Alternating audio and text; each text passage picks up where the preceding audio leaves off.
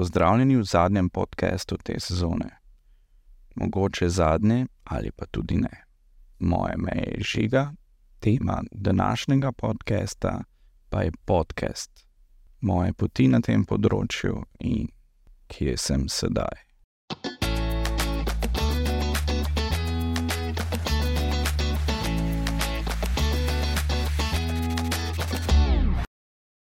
Podcaste sem si vedno želel, vendar nikoli nekako nisem našel tistega zadnjega premika, dejanskega poslušanja. Preferiral sem glasbo ali zvočne knjige. V koronskem času, oziroma po koronskem času, pa sem se odločil, da tudi jaz začnem poslušati podcaste.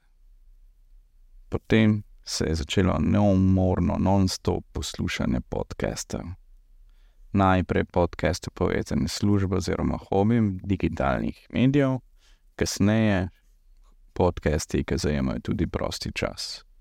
Ta svet me je navdušil, saj sem našel pot, kako v svojem natrpanem urniku in pomankanju časa najdem čas za samo izobraževanje in spopolnovanje ter veselje.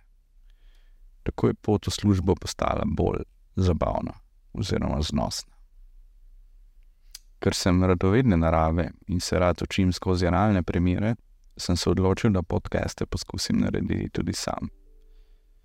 Najprej sem se vrgel v teorijo, se pravi, kaj je dobro imeti, kako se tega letiti.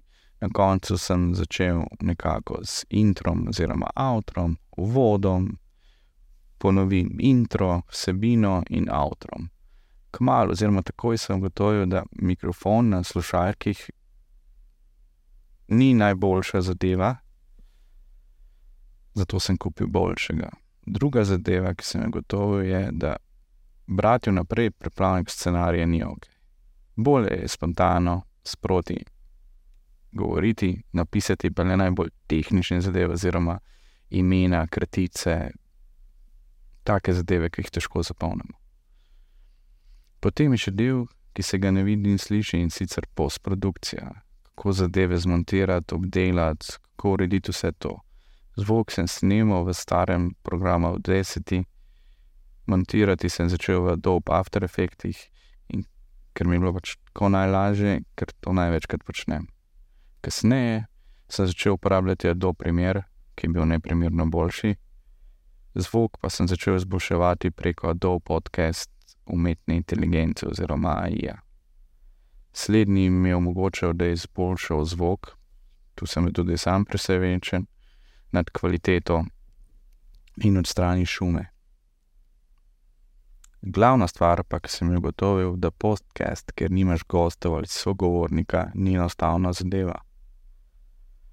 Skozi si sam, nihče ti ne drži v gledala, vsi komentirajo kasneje, tako da Za snemanje podcastov priporočam vsaj dva moderatorja ali pa goste.